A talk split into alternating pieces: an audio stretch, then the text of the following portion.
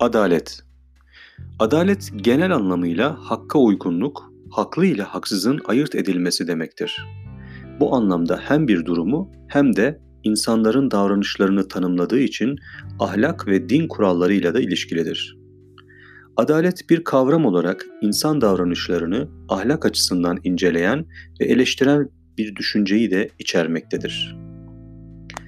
Kutsal kitaplarda adil, adaletli olmaya ve yöneticilerin adil kararlar vermelerine ilişkin bölümler vardır.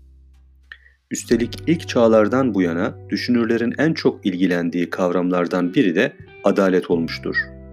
Söz gelimi Platon, adaleti en yüce erdemlerden biri, insanın ve devletin temel davranış kuralı olarak tanımlamıştır.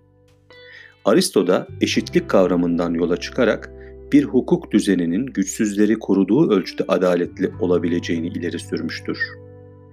18. yüzyılın aydınlanma çağı düşünürleri ise doğal hukuk kavramına yer vererek hukuka ve hukuksal eşitliğe uygunluğu adalet için yeterli saymışlardır. Yüzyıllar boyunca toplumlar değişirken adalet kavramı da değişmiştir.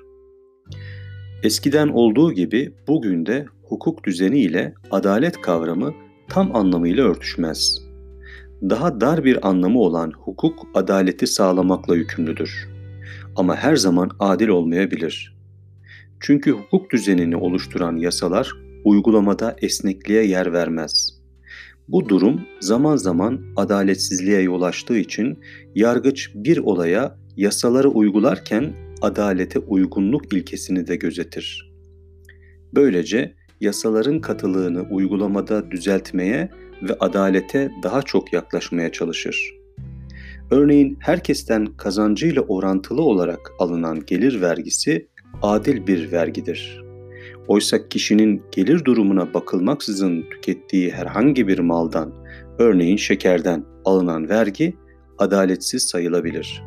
Çünkü bu vergi karşısında herkes eşit sayıldığı için zengin ile yoksul eşit oranda vergi ödemiş olur.''